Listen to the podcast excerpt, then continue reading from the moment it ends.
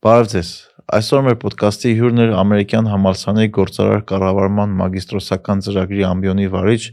դոկտոր Մանե Բեգլարյանը։ Պրոֆեսոր Բեգլարյանի հետ զրուցել ենք հիմնարար կրթության, հմտությունների,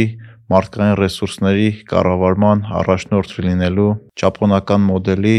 ճգնաժամերի եւ այլ հետաքրքիր թեմաների շուրջ։ Մեր ոդկասթի գլխավոր գործընկերն է Hexact ընկերությունը, ում կողմից այսօր եւս ունենք նվեր գիրք Andy Groovy Only the Paranoid Survive գիրքը։ Հիշեցնեմ, որ մեր վեբկայքում rearrange.club հասցեով կարող եք գտնել ինֆորմացիա մեր էպիզոդների մասին եւ բոլոր այն գրքերը, որոնք այստեղ քննարկել ենք։ Գնացինք։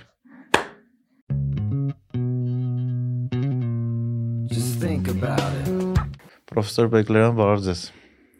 Բարի օր Նարեկ։ Ինչպե՞ս եք։ Լավ, շնորհակալություն։ Երևի գիտեք ինչի սկսենք։ Հիմա այդպես տենդենս կա, որ մարդիկ խոսում են, որ համալսարանական կրթությունը էլ պարտադիր չի։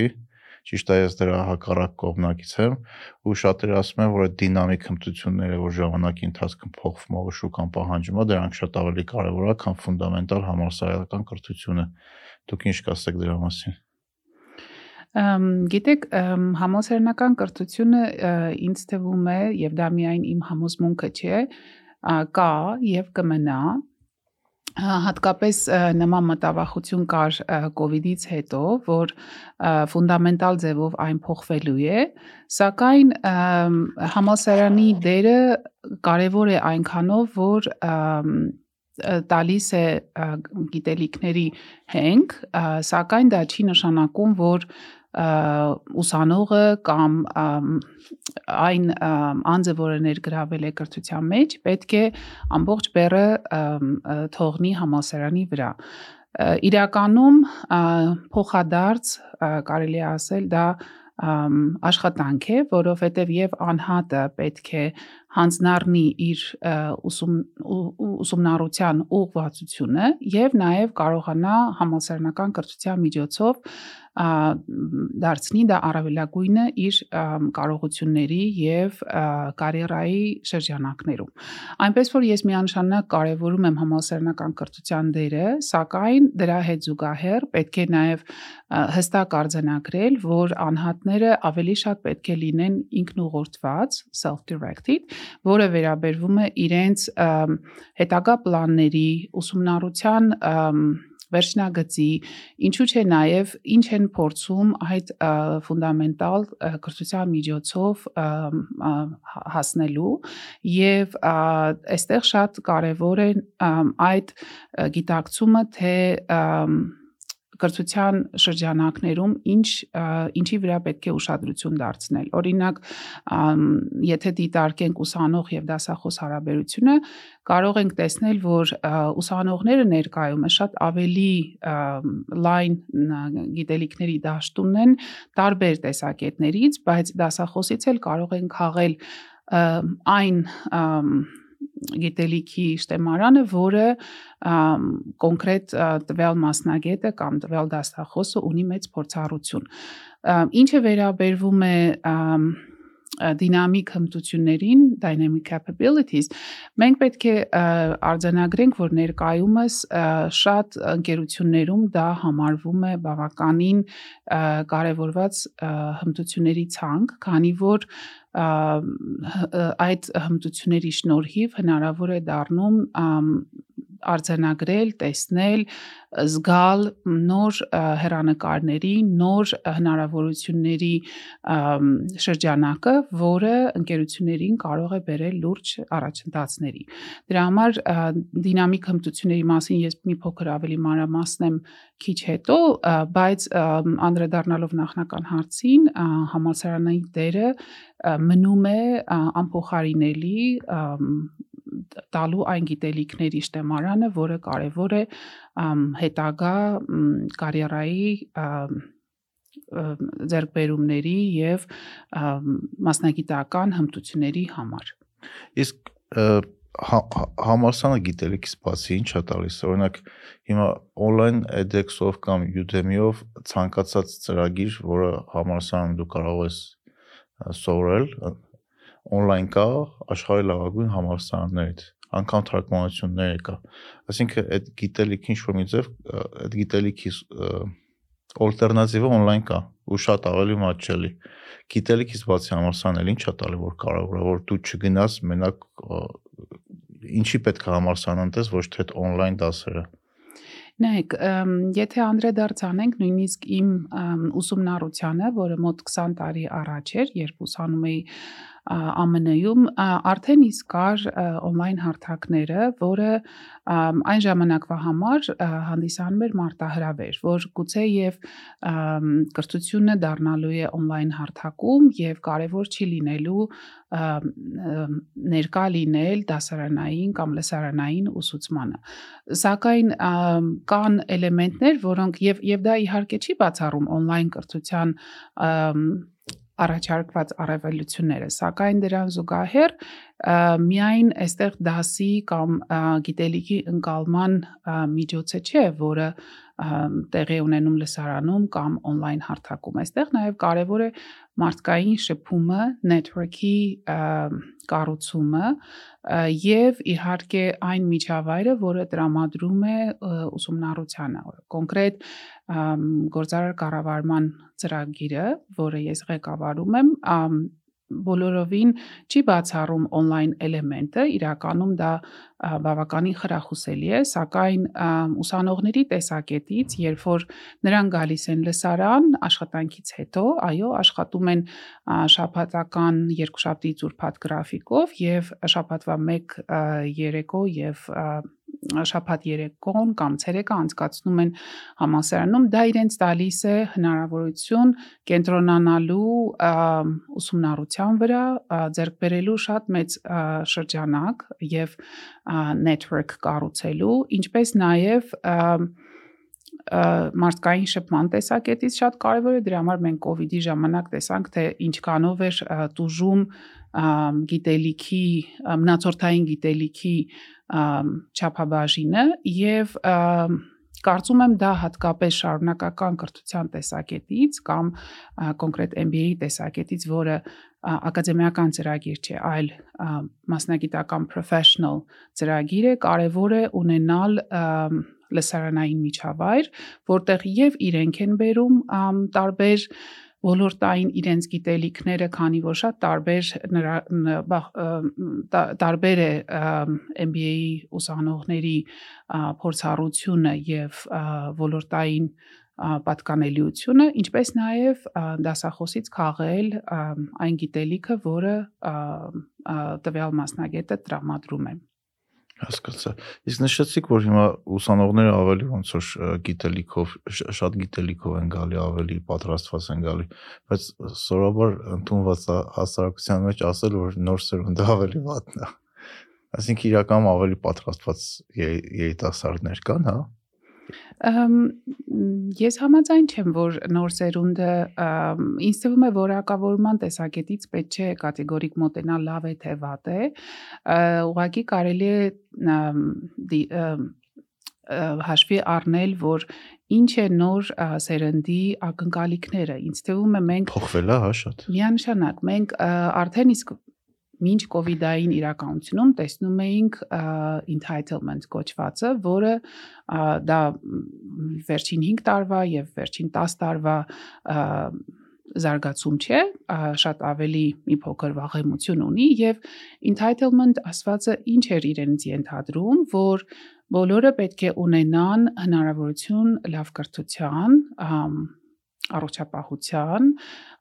լավ աշխատանքի, լավ վարձատրվող աշխատանքի, հարմարավետ պայմաններում աշխատեն, այսինքն ակնկալիքների տեսակետից մենք արդեն իսկ ունեցել ենք այն հասունությունը, որ ներկայիս սերունդը պատրաստված է շատ ավելի հստակ իր պահանջներով եւ դա նաեւ ոչ միայն մարտահրավեր է կրթության ոլորտում, այլ նաեւ մասնավոր հատվածում կամ երբ որ նրանք մտնում են աշխատաշուկա։ Սա սա կարևոր փաստ է, որ նոր սերունդը ունի բոլոր այն թիրախային իրենց համար ակնկալիքները, որը իր կողմից նաև մարտահրավեր է թե կրթական հաստատությունների եւ թե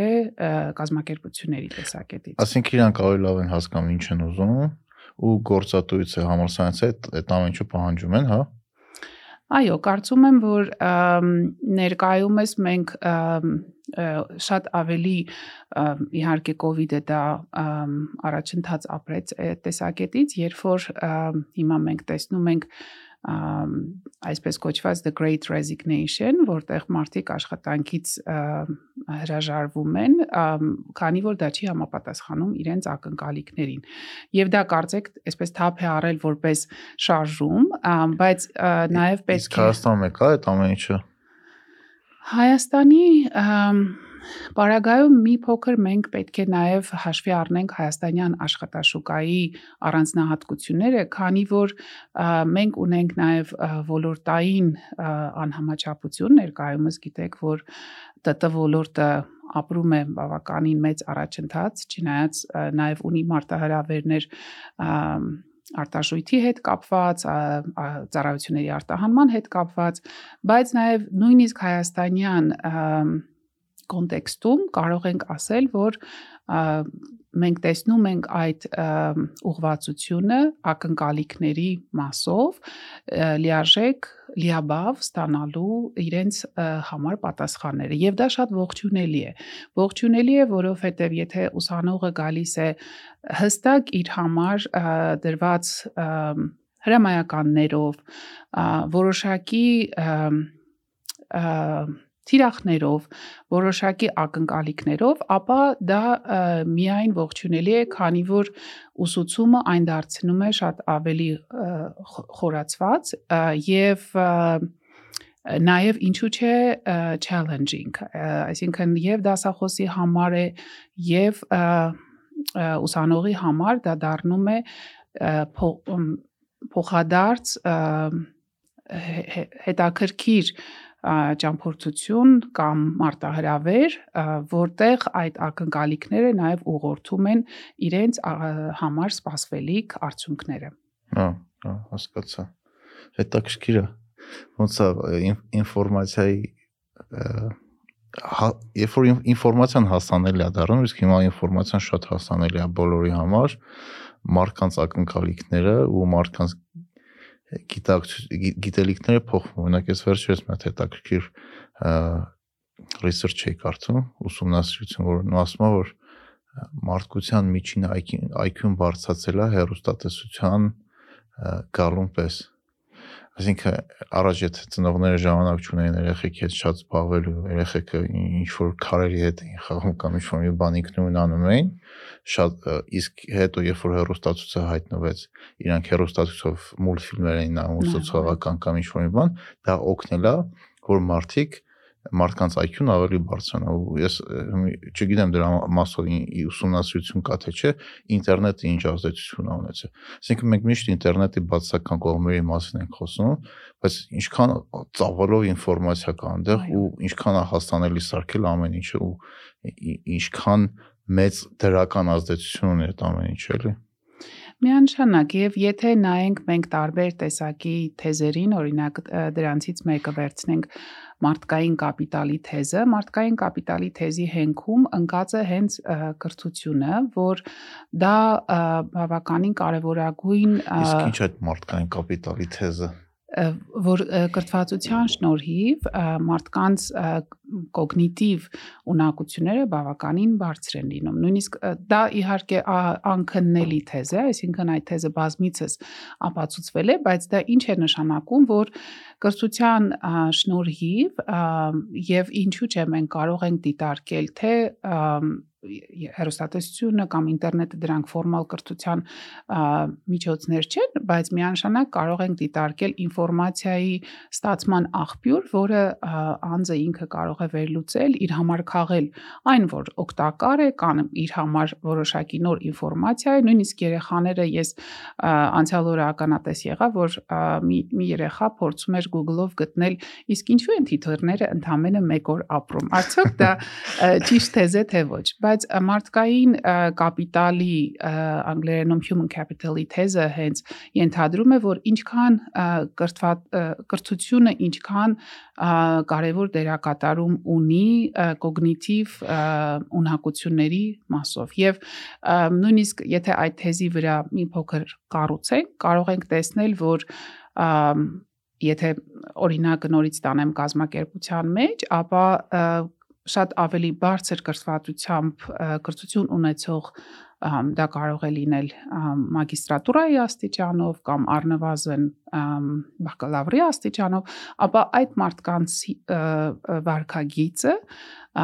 կոգնիտիվ ունակությունների շնորհիվ շատ ավելին է շրջապատի համար, քան նրանք, որոնք չեն ունեցել այդ հնարավորությունը կրթվելու։ Այսինքն, այստեղ մենք կարող ենք դիտարկել տարբեր եզրույթները ինչ ինչն ենք մենք դիտարկում որպես կրթության մասնիկ, բայց կարծում եմ նաև ինտերնետային աղբյուրները, որը որոնք հասանելի են հասարակության լայն շերտերի համար նույնպես ունեն իրենց դերակատարումը։ Այստեղ մենակ հարցը մնում է որակական, թե ինչքանով է այդ ստացված ինֆորմացիան ֆիլտրված, ինչքանով է այն որակյալ, ինչքանով է զերծ ոչ ճշտված աղբյուրների ենթակայության տակ լինելուց։ Այ նման հարցերը, որոնք իհարկե չեն բացառում։ Իսկ փորձ ինչ դեր ունի, օրինակ բիզնես կրթված կրթության մեջ փորձի լավ մի քիչ ուժ ձեր ձևակերպեմ հարցը։ Կան մարդիկ, օրինակ մագիստրատուր են ավարտում, չգիտեմ,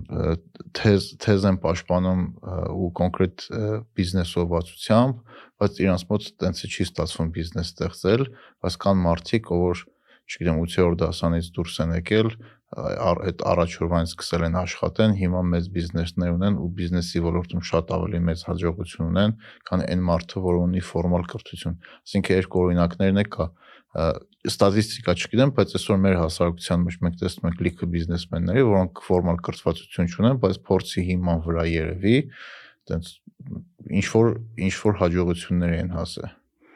ես փորձառությանը կամ փորձի Թե մենք կներեք, թե մենք ինչ որ յուրահատուկ ժամանակահատվածում ենք ապրել, որտեղ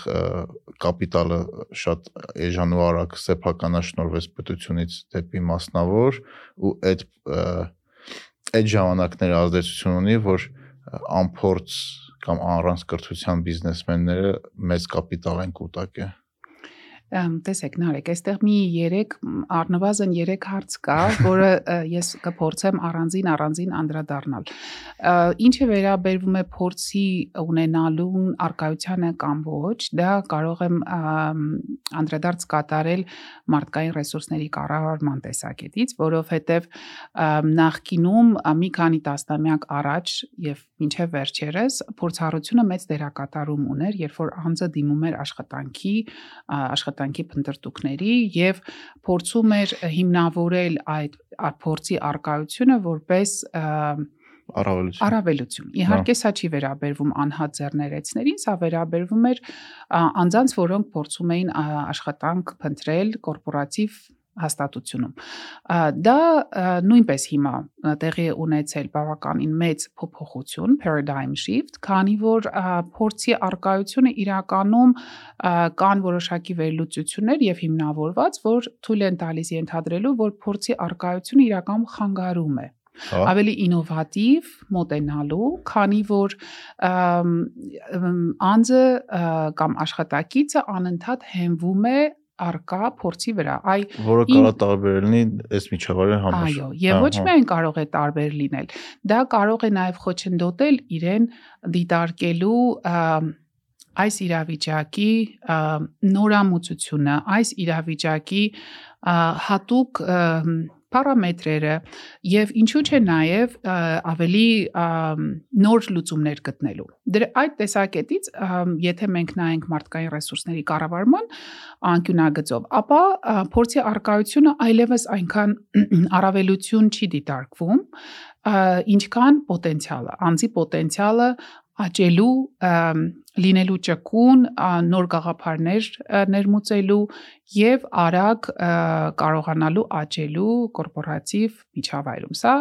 ինչ է վերաբերում է փորձառության արկայությանը կամ դրա մրցակցային առավելությանը Հիմա ինչը վերաբերվում է նաև մեր բիզնես միջավայրին, մենք դա հատկանշական է ոչ միայն Հայաստանի, նաև մի շարք երկրներ ունեն այդ ֆենոմենը, որը կոչվում է ընտանեկան սկզբունքներով հիմնված կազմակերպություններ։ Եթե նայենք հայաստանյան ձեռնարկություններին, մոտավորապես մենք ունենք օֆիցիալ տվյալներով 68000 գրանցված փոքր եւ միջին ձեռնարկություններ, որոնք լինելով ունենալով մեծ դերակատարում տնտեսության տեսակետից որպես տնտեսական մկան կամ driver միևնույն ժամանակ ունեն նաև բավականին սպეციფიկ հատկություններ, քանի որ ստեղծված են family firm սկզբունքով, այսինքն ընտանեկան բիզնեսի սկզբունքով ստեղծվում են եւ պարտադիր չի դա լինի փորձով հարուստ մեկը, այլ կարող է լինել և, բիզնես ձեռներեց, որը շատ լավ հասկանում է նաև հայաստանյան սպառողի սպეციფიկ նախ նախընտրությունները։ Հա։ Եվ հասկանա շուկան ոնց է։ Այս շատ արագ հասկանում է եւ դրա հիման վրա կարող է շատ արագ դիվերսիֆիկացնել իր ծառայությունները կամ ապրանքները, ինչը ինչը առաջարկվում։ Դա նաեւ հատուկ է մեկ այլ և, մի շարք այլ պետությունների, որտեղ մենք տեսնում ենք ոչ միայն փոքր միջին ձեռնարկությունների մասով այդ ձեռներեցության աճը, բայց նաև հասկանում են կոնտեքստի սպეციფიկաները։ Օրինակ Իտալիան նման ձևով է, Իսպանիան շատ մոտ է մեզ, որովհետև մենք կարծեմ ոդկասթներից մեկում նշվում էր խոսել եք bonding բոնդինգի գաղափարը, որ ընտանիքներում մենք հատուկ է դա եւ բիզնեսում էլ դա ունի իր արտացոլումը։ Ուղղակի այստեղ նաեւ հարցը մնում է հասկանալու արդյոք այդ տիպի ձեռներեցությունը էվոլյուցիոն բնույթով Հայաստանում ենթադրենք մի շարք տարիներ անց նույնպես իրեն կարդարացնի։ Քանի որ մենք մենք նույնպես գլոբալ աշխարհի մասնիկ ենք կազմում եւ այդ տենդենսները նույնպես անդրադառնալու են մեր կազմակերպության կազմակերպչական կորպորատիվ մոտեցումների վրա։ Այսինքն մարդիկ որ ունեն ավելի լավ կրթություն, ավելի լավ հասկանում են շուկան ոնց կարա ավելի լավ են հասկանում բիզնեսը էֆեկտիվ ոնց կարելի է վարել օպտիմալ ձևով ժամանակի ընթացքում ոնց որ կապիտալի վերաբաշխում կլինի ու այդ մարդիկ կունենան ավելի մեծ բիզնեսներ, քան մարդիկ, ովքեր 90-ականներին են սկսել հասկանալով շուկայի պուլսը, բայց էվոլյուցիա չեն ապրել ու ինչ որ մի փուլից կոպիտ ասած MBA կրծ ավարտած կրծված մարդիկ կկարողանան մրցակցություն դեպի իրանց տանեն։ Ու շուկան դեպի իրանց տանեն։ Այսինքն մրցակցության մեջ իրանք կպարտվեն։ Ոնց որ եղավ օրինակ ԱՄՆ-ում Այստեղ մի քանի նույնպես հատկանշական բաներ կան։ Նախ պետք է հասկանանք մենք ինչքանով ենք կարողանալու ներկայիս մարտահրավերներին արձագանքել, որովհետև հստակ տոմս, որ ինչպես է լինելու կամ հստակ բաղադրատոմս, թե որոնք են ճիշտ գործողությունները, որpիսի այս ձևով կամ այն ձևով ընթանա, այս պահին ես կոնկրետ չեմ կարող առաջարկել, բայց նաև տեսնելով թե ինչպես են փոխվում ընդհանրապես կառավարման սկզբունքները, եթե նայենք թեկուզ management theory, այսինքն management-ը որպես դիսցիպլինայի զարգացումը, մենք կտեսնենք, որ հիմնական այն սկզբունքները, որոնք ստեղծվել են ներկայումս այս մեր կազմակերպություններին չեն բավարարում։ Ինչու, որովհետև այդ որ սկզբունքների մասին է խոսքը ավելի շատ են կլասիկ, կլասիկ, այո, կլասիկ ադմինիստրատիվ կամ scientific մոդելները, ինչու, որովհետև ավելի շատ հիմա ուշադրությունը դարձվում է human relations մարդկային հարաբերությունների behavioral, այսինքն վարքագծային հա։ եւ կլասիկա կլասիկ կառավարման մոդելները այլևս հարիր չեն ներկայիս կազմակերպություններին, որոնք շատ ավելի հարում են ոչ հիերարխիկ, թիմային օրիենտացիայով, նույնիսկ ճունեն բաժնի ղեկավար կամ վարչության ղեկավար պաշտոնները այլ ունեն team, թիմային task force, team lead դրանք։ Եվ դրանից ելնելով էլ մենք տեսնում ենք ավելի ու ավելի թե ինչքան են փոխվում եւ գնահատման մեխանիզմները եւ աշխատակիցների ներգրավման տարբեր մեթոդները սա նույնպես մի դաշտ է, որը պետք է ուսումնասիրել հասկանալու համար, թե մեր դեպքում հայաստանյան սպეციფიկայից ելնելով մենք ինչ մարտահրավերների պետք է պատրաստ լինենք եւ ինչքանով ենք արդյոք պատրաստում աշխատակիցներ նման նման զարգացումների համար։ Իսկ կարողանում ենք պատրաստենք Այ մեկը դուք եք, ինչ կասեք, քանի որ ոչ այնքան վաղուց եք դարձել մեր շրջանավարտը 2018-ին։ Հա դուք կարող եք հետադարձ հայաց գցել, ոչ այնքան շատ վաղեմությունուն- ունեցող եւ արձա- արձագանքել արդյոք այդ մարտահրավերները ձեզ համար նորություն էին, թե լիարժեք ձեզ պատրաստված էիք զգում։ Չէ, երևի Եթե լիարժեք պատրաստված են զգա, հերթի չէի դիմի ամերիկյան համալսարան, MBA ծրագիրը, որտեղ այնտեղ դե ոնց բոլորս գիտենք, մարդիկ ավելի հասուն տարիքում են գնում։ Հա, ինձ թվում է ա, համալսարանը ինձ շատ է օգնել այն առումով, որ ես ծանոթացա նոր դիսցիպլինաների, որոնց որոնց մասին գիտեի, բայց խորությամբ չէի պատկերացնում կամ շատ մակերեսան էի պատկերացնում։ Երկրորդ առավելությունը այն էր, որ ինձ տվեց ընկերներ համ դասախոսական կազմից, համ համ համակուրսեցիներից։ Երրորդը երևի այն էր, որ մի քիչ նաև ինքնավստահություն տվեց։ Ահա։ Չգիտեմ ինչքանով այդ համարսանի հետ կապված, բայց ինձ թվում է է։ համարսանի հետ էր կապված։ Ինքս ինքնավստահություն տվեց, որ փորձեմ իմ սեփական ինչ-որ պրոյեկտներ անեմ։ Ու ոնց մեր համակուրսեցիներից շատերն է MBA-ի ընթացքում կամ MBA-ից հետո իրանց աշխատանքները կամ փոխեցին կամ սեփական բիզնես սկսեցին, որը հետաքրքիր է շատ։ Այ դա կարծում եմ այն ը, ջրբաժանն է, որը տալիս է նոր ըմ, մի տեսակ մտածելակերպ։ Միայն ինքնավստահության հարցը չէ, այստեղ նաև այդ այսպես կոչված helicopter view-ն է, որբիսի ավելի systems thinking զարգանա եւ տարբեր հարցեր, որոնք կարող են լինել կազմակերպության տարբեր օղակներում, տեսնել դա վերևից։ Եվ Հա, դա դա շատ կարևոր է բացի դետալացված հասկանալու խնդիրը, նաև զարգացնել այդ մտածելակերպը CEO mindset-ի helicopter view-ն եւ տեսնելու ամբողջական պատկերը, որովհետեւ մենք ամենօրյա աշխատանքում կազմակերպության ներսում կամ որպես թեկուզ անհատ ձեռներեց կարող ենք զբաղված լինել գործառնական օպերացիոն հարցերով հարցերով, որը իրականում ցույց չի տալիս մեզ ավելի առաջ մղվելու եւ ռազմավարական հարցերին ուշադրություն դարձնելու։ Իսկ այդ CEO mindset-ի շրջանակներում հնարավոր է լինում անդադ ունենալ այդ zoom in եւ zoom out հնարավորությունը միկրոսկոպիկ դաշտով նայել եւ հետո նայել շատ ավելի ընդհանրական առանց դետալների մեջ առանձնապես Խորանալ։ մ- մտնելու։ Հա։ Այսինքն դետալները կարևոր են, բայց նաև կարևոր է երբ ժամանակին այդ ազդակները զգալ եւ վերևից մի հատ նայել ամբողջական։ Իսկ այդ վերևից նայել մենեջ ղեկավարների, մենեջերների, չգիտեմ, տնօրենների համար այդ վերևից նայելու կարևորությունը որն է, ինչի է պետք որ իրանք ժամանակ առ ժամանակ այդ դուրս գան այդ ամենօրյա օպերացիոն հարցերից ու վերևից փորձեն նայեն, հասկանան ինչա տեղի ունենում ու ինչ դեր ունի դա կազմակերպությունների ռազմավարության մեջ ու արդյոք պետքա կազմակերպությունների ունենալ ռազմավարություն, թե ոնց կամին փչի տենց պետքա գնալ Չէ, միանշանակ։ Նաև իհարկե ես խոսեմ ռազմավարության ինչքանով դա պետք է լինի խիստ խիստ structured, այսինքն խիստ կազմակերպված process եւ ինչքանով դա կարելի է փոխել որոշակի շտկումներ անել ճանապարհին, բայց ինչը վերաբերվում է կառավարիչներին,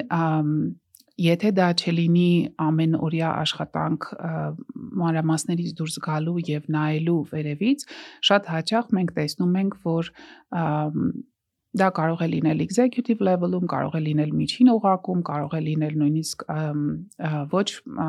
կառավարչի օղակում, բայց կա այդ հակումը անընդհատ կորցնելու ռազմավարության ուղությունը։ Իսկ ռազմավարությունը առանց համապատասխան հաղորդակցության միտված է իրականում ոչ հաջողելու կամ իրագործման։ Դրա համար շատ կարևոր է ռազմավարական տեսակետից ամենօրյա աշխատանք անել հիշելու համար, թե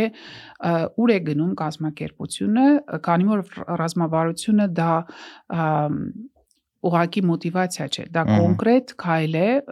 կոնկրետ ը, նպատակ է, որի համար յուրաքանչյուր օղակ կազմակերպության մեջ պետք է աշխատի։ Բացի դա, այս վերջերս օրինակ մի հետաքրքիր հոդված անցկացրեցի, աչքի, աչքի անցկացրեցի, որտեղ նաև քննարկվում էր executive թիմերի, ինչու՞ չէ նաև CEO-ների ամենօրյա արձանագրություններ։ Արձանագրություններ, այսինքն նոթատետրում Հա, իրենք արձանագրում էին տվյալ ըմ, օրվա անցուդարձը հարցադրումները։ Սա իհարկե բավականին պահանջկոտ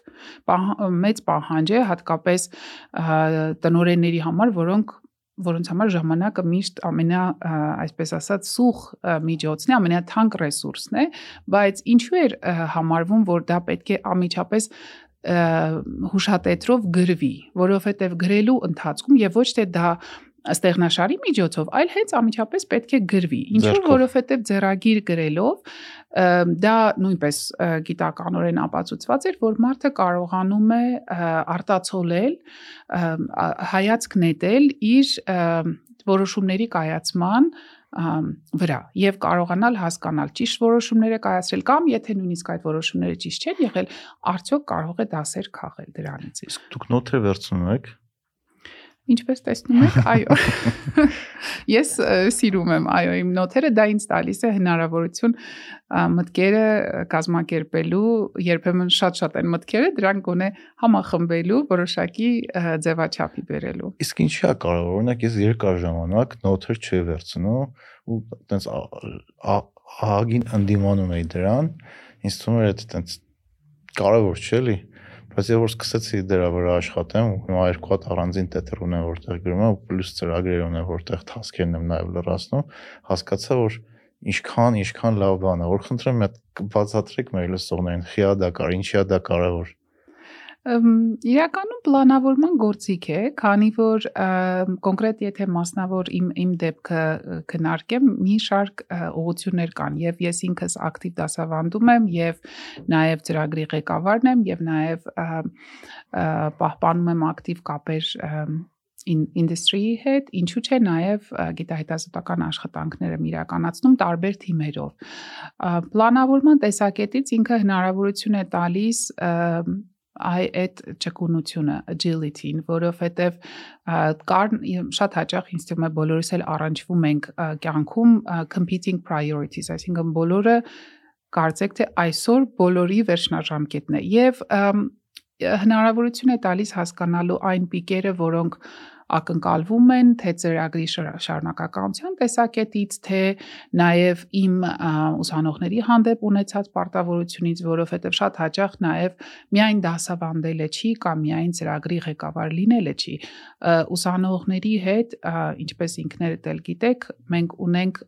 մշտական շարունակական կապ, դա կլինի եւ ուսանող եղած ժամանակահատվածում եւ հետո եւ ա, ի- մենք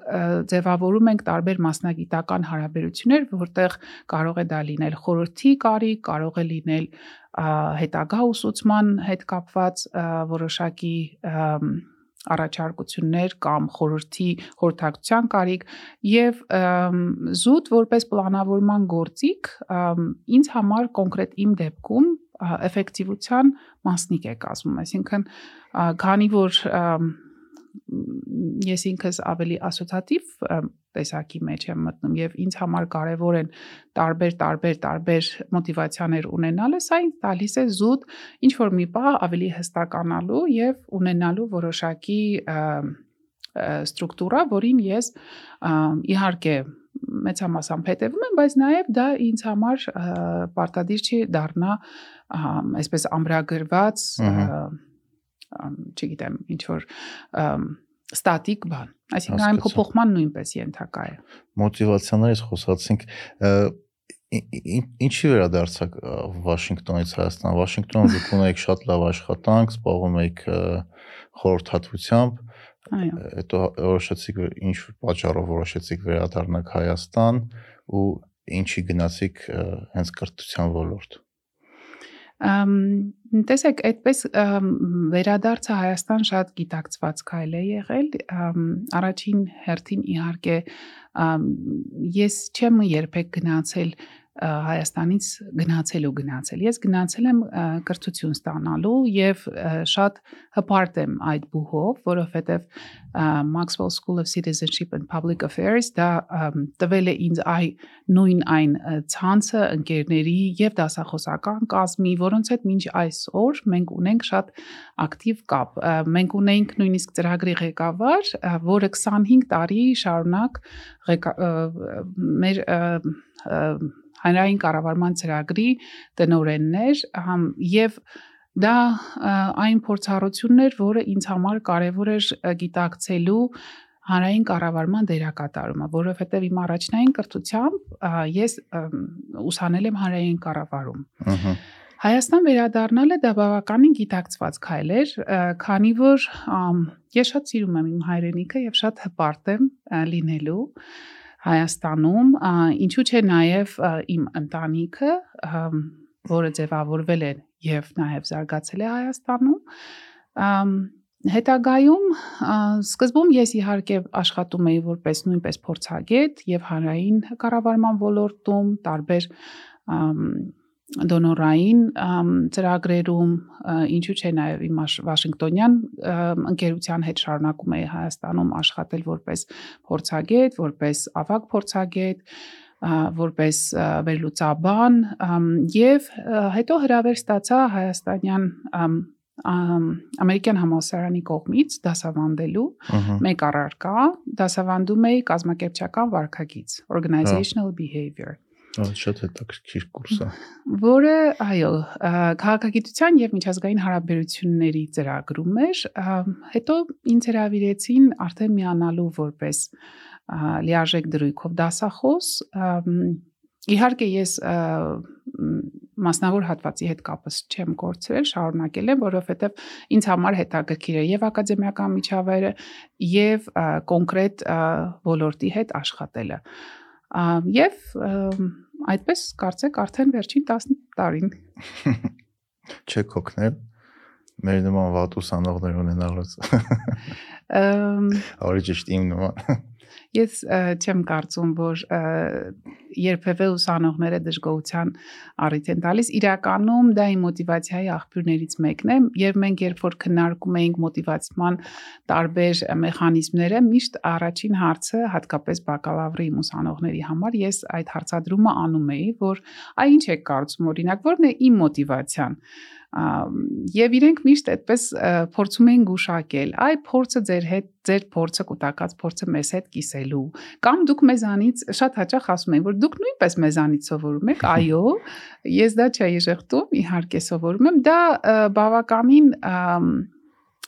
արգասաբեր աշխատանք է քանի որ մշտական գտնվում եք շարունակական ինքնակատարելագործման ինքնահղկման մեջ եւ կարծում եմ որ կրթությունը նույնպես կարևոր առաքելություն է լինել կրթական օջախի մի մասնիկը իսկ դուք ո՞նց եք վերաբերվում այն հարցին որ մեր բոլոր խնդիրների արմատում ընկածա վատ կրթությունը? Նու շատերն են չի ասում եթե կրթության որակը լավացնենք բոլոր խնդիրները կլուծվի նու երևի բացի անվտանգային չնայած եթե կապ ունի դրա հետ Դե մենք արդեն մի պահ անդրադարձ արեցինք մարդկային կապիտալի թեզին, որի շրջանակներում ես խոսեցի կրթության դերակատարումը կոգնիտիվ ունակությունների հիման վրա։ Կրթությունը նաև կարելի է շահկապել սոցիալ կապիտալի թեզի հետ, քանի որ այդ դեպքում նաև ենթադրվում է, որ առավել կրթված մարդիկ ցուցաբերում են վստահություն, social trust, եւ նաեւ ցուցաբերում են հետաքրքրվածություն վստահություն իրար, ինստիտուտների միմյանց ասենք պետությանը, քո գործատուին ու միմյանց։ Այո, մեկը մյուսի հանդեպ, հասարակության տարբեր շերտերի հանդեպ, դա կարող է լինել ինչու՞ չէ նաև պետական կառավարման մարմինների հանդեպ, ընտրողների ձայների հետ, անաչառությանը եւ կարծում եմ, որ կրթության տեսակետից մենք դեռևս հատկապես դարական եւ միջնակարգ կրթության տեսակետից դեռ բավականին դե, բացեր կան, որովհետև ա, միայն գիտելիքը տալը չէ, նաև ա, կարծում եմ, որ աշակերտների կողմից կամ ստացողների կողմից այդ գիտելիքի եւս մեկ անգամ նշեմ ուղղորդված օգտագործումն է, այսինքն ինչքանով է կարողանում դա ոչ միայն յուրացնել, այլ ձևավորել այդ մտածելակերպը, որը իրեն դարձնում է ավելի լավ քաղաքացի, որը կարող է կառուցել միմյանց հանդեպ ավելի մեծ վստահության գործոն հանդիսանալ եւ ինչու՞ չէ նաեւ դրա մյուս մասնիկը կազմում էր նաեւ social trust-ը եւ ամ, membership-ը, այսինքն անդամակցությունը կամավոր, այո, կամավոր սկզբունքներով։ Այդտեղ ինձ թվում է մենք չենք կարող այսպես մատների արանքով նայել կրթությանը, քանի որ մենք տեսել ենք բավականին զարգացած երկրների, նույն Ֆինլանդիայի օրինակը, եթե դիտարկենք, որը ինձ համար մի տեսակետից հետաքրքիր է որպես առաջընթաց եւ բավականին փայլուն արդյունքներ գրանցող մյուս տեսակետից որտեղ K through 12 ա, այսինքն առաջին 12 երդասարաններում ա, ընդհանրապես գրիչով նույնիսկ չեն, այսինքն ամբողջ կրթական համակարգը անցել է։ Դա իհարկե հարցի մի կողմն է, ինչքանով է դա արդարացված, որովհետև դրա համար ժամանակ է հարկավոր գնա- գնահատելու, բայց կրթական որակի տեսակետության որակի տեսակետից մենք հստակ տեսնում ենք առաջընթացը ա, նույնը նաեւ կարող ենք դիտարկել Ամերիկայի դեպքում, որ ա, դպրոցի ա, դպրոցական կրթությունը նույնիսկ ա, college education-ը այն որակին չէ, ինչքան որ ասենք մագիստրատուրայում որը բավականին մեծ ա, բաց է թողնում հասկանալու համար ինչու այն այսպես է իսկ սա շատ ավելի լավ ա, որակի է Հա։ Իսկ ձեր կարծիքով պարտադիր է որ բոլորը համալսարան ավարտեն։ ամ պարտադիր ասվածը պետք է նայենք ինչի տեսակետից պետության տեսակետից հասարակության տեսակետից Նո ավելի առողջ ու հարուստ հասարակություն ունենալու տեսանկյունից։ Ու նաև հարուստ պետություն բնականաբար։ կրթությունը կարևոր է համասարանական կրթությունը նույնպես բայց ինձ թվում է դա միակ օղակը չէ որբիսի ձևավորի ասենք հարուստ պետություն կամ մենք ունենանք տնտեսական բարձր ցուցանիշներ շատ այլ կարևոր հանգամանքներ էլ կան բայց կոնկրետ իմ տեսակետից ես կարծում եմ որ կրթության դերը չի կարելի շրջանցել դա շատ կարևոր է գիտակցական գիտակից հասարակություն կրթված երիտասարդություն ունենալու համար դա դա ինձ թվում է անքննարկելի է կոնկրետ իմ տեսակետից Հասկացա։ Իսկ մենք ընդհանրապես ո՞նց ենք սովորում մարդիկ։ Օրինակ ինչ որ մարդկանց մաթեմատիկան է հեշտ տրվում, ինչ որ մարդկանց հեշտ է տրվում ավելի շատ հումանիտար առարկաներ, ինչ որ մարդիկ տենց է չեն սովորում այդ այդ process-ը ոնց է ոնց ենք մենք գիտելիք ընկալում ու ոնց ենք այդ գիտելիքը մարսում ու հետո արտաբերում կամ օգտագործում Դա նույնպես պետք է դիտարկել կարողությունների տեսակետից իհարկե կան հակվածություն որոշակի մարդկանց խումբ, որոնք հակված են ավելի անալիտիկ կարողությունների ի տարբերություն մնացածի, որոնք ունեն հումանիտար օրիենտացիա, բայց կարևոր է նաև հասկանալ, որ բոլորը չեն իրար նման, այսինքն անհատականությունը նույնպես կարևոր է հաշվի առնել։ Իդեպ սա նաև կարևոր է կազմակերպության մեջ մարդկային ռեսուրսների կառավարման տեսակետից ես կփորձեմ նաև որոշակի զուգահեռներ անցկացնել, քանի որ շատ հաճախ շեշտը դրվում է մարդկանց ուժեղ կողմերի եւ թույլ կողմերի փորձելու թույլ կողմերը բերել հասցնել ուժեղ կողմերին։ Հա։ Դա այնքան էլ խրախուսելի քայլ չէ, քանի որ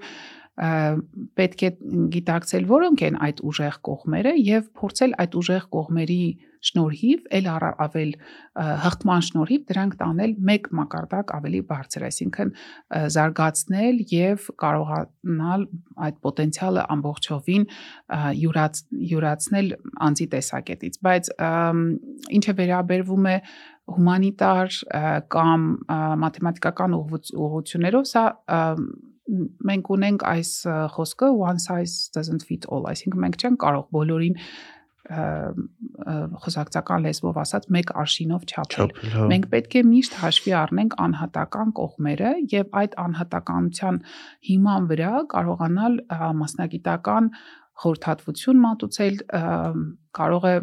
հումանիտար ուղղվածությունը ունի շատ հրաշալի նախադրյալներ այդ ոլորտում զարգանալու կամ մասնագիտություն ձեռք բերելու եւ դիտել թե մենք փորձել մասնազատել, ասել այսպես ենք կամ այնպես ենք, նույնպես կատեգորիկ է մոտեցումը։ Ամ, Կարևոր է գիտակցել մենք ինչ ենք ուզում ստանալ գիտելիքի միջոցով եւ այդ գիտելիքը ուղղորդված լինի։ Այսինքն դա իդեպ եթե կարիերայի մասին խոսենք, շատ հաճախ մենք փորձում ենք հատկապես եթե նայենք իմ սերնդակիցներին, ծնողները ուղղորդում էին ինչ մասնագիտություններ ընտրել, Հա։ որն է ավելի կարելի է ասել նախ նախընտրելի հետագա հերանեկարներից ելնելով ներկայումս մենք տեսնում ենք որ առնվազն professional journey մասնագիտական ժամանակա աշխատաշուկայում ակտիվ լինելու ժամանակահատվածի ընթացքում մենք ունենալու ենք 2-3 տարբեր մասնագիտություններ այնպես որ Հա, մինիմում։ դա դա նույնպես կարևոր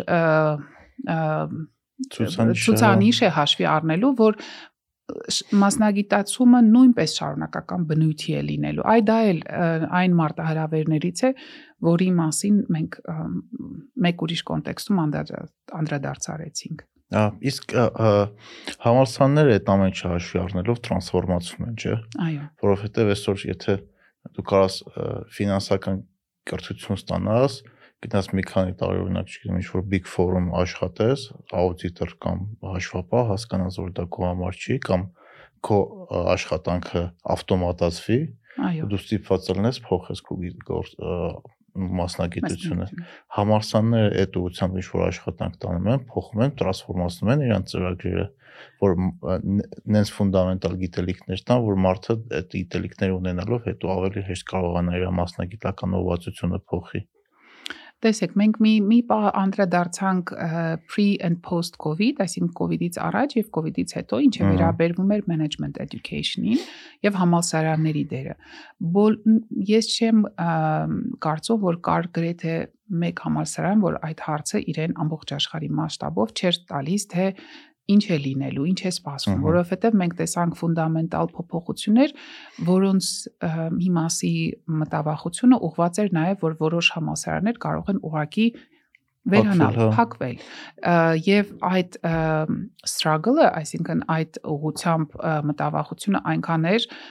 հասունացել, որ կային բուհեր, որոնք չունեին ընդունելություն կամ օրինակ կոնկրետ մեր դեպքում MBA ծրագրի շրջանակներում որպես ծրագիր ամ, գործարար կառավարման մենք ունեինք անչափ պահանջված ամ, 90-ից ավելի հայտադիմում, որովհետև դա այն ժամանակահատվածներ, երբ որ մարդիկ լրջորեն խնդիր դրեցին իրենց արչև, որ մենք ինչ ենք փորձելու առաջարկել աշխատաշուկային եւ ինչքանով են կարողանալու արագ ձևափոխվել կամ վերա վերա գնահատել մեր կարողությունները դա եւ կրթության առաջարկողի կողմից էր եւ նաեւ սպառողի կողմից էր այսինքն demand-ը supply-ը միաժամանակ այստեղ ֆունդամենտալ կարևոր հարց էր հասկանալ թե ինչ է ինչ են այդ պահանջները Հիմա եթե մեկը գնում է ստանում է ֆինանսական կրթություն, որը հետագայում թույլ է տալու իրեն մասնագիտական ոլորտում աշխատել որպես աուդիտոր կամ ֆինանսական վերլուծաբան, པարզ է որ այդ հենքը կա որպես այդպեսին, բայց չի բացառվում, որ օրերից 1 օր այդ աշխատակիցը կարող է ցանկանալ գնալ դեպի ՏՏ ոլորտ կամ գնալ բոլորովին այլ ուղղության։ Կարևոր մասնիկն է Կարևոր մասնիկն է, որpիսի տրված գիտելիքը լինի հարիր հարիր relevant եւ եթե նորից խոսեմ MBA մասով մենք ամբողջ շեշտադրումը եթե կհիշեք դասախոսների հիմնական մեր ճնշող մեծամասնությունը բոլորը ոլորտի առաջատար մասնագետներ էին, որոնք ամիջապես բերում էին ոլորտային առանձնահատկությունները, առաջխաղացումները, նորամուծությունները դեպի լսարան։ հա։ Եվ դա կարևորում է near practice լինելը եւ relevant մնալը։ Սա շատ կարևոր մարտահրավեր է թե Հայաստանի կոնտեքստում եւ թե գլոբալ մասշտաբով, որովհետեւ եթե ուսանողը կարող է տվյալ գիտելիքը ամիջապես կիրառել, հենց վաղը կիրառել, դա միանշանակ այն ցուցանիշն է, որ գիտելիքը արդիական է, այսինքն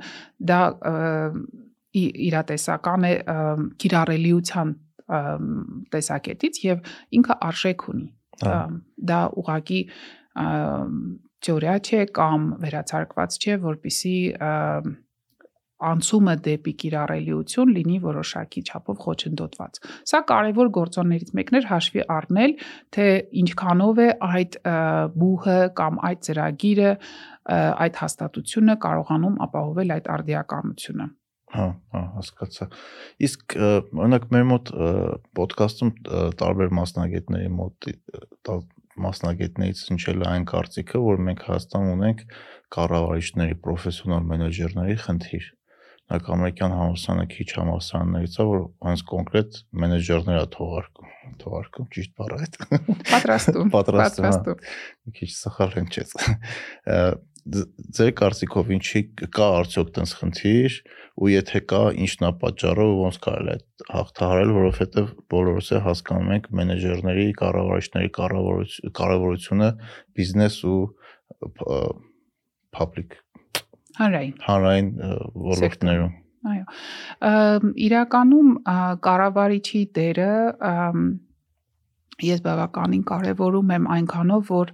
պրոֆեսիոնալ կառավարիչը նույնիսկ ոլորտային առանձնահատկությունները մի կողմ թողնելով, հա,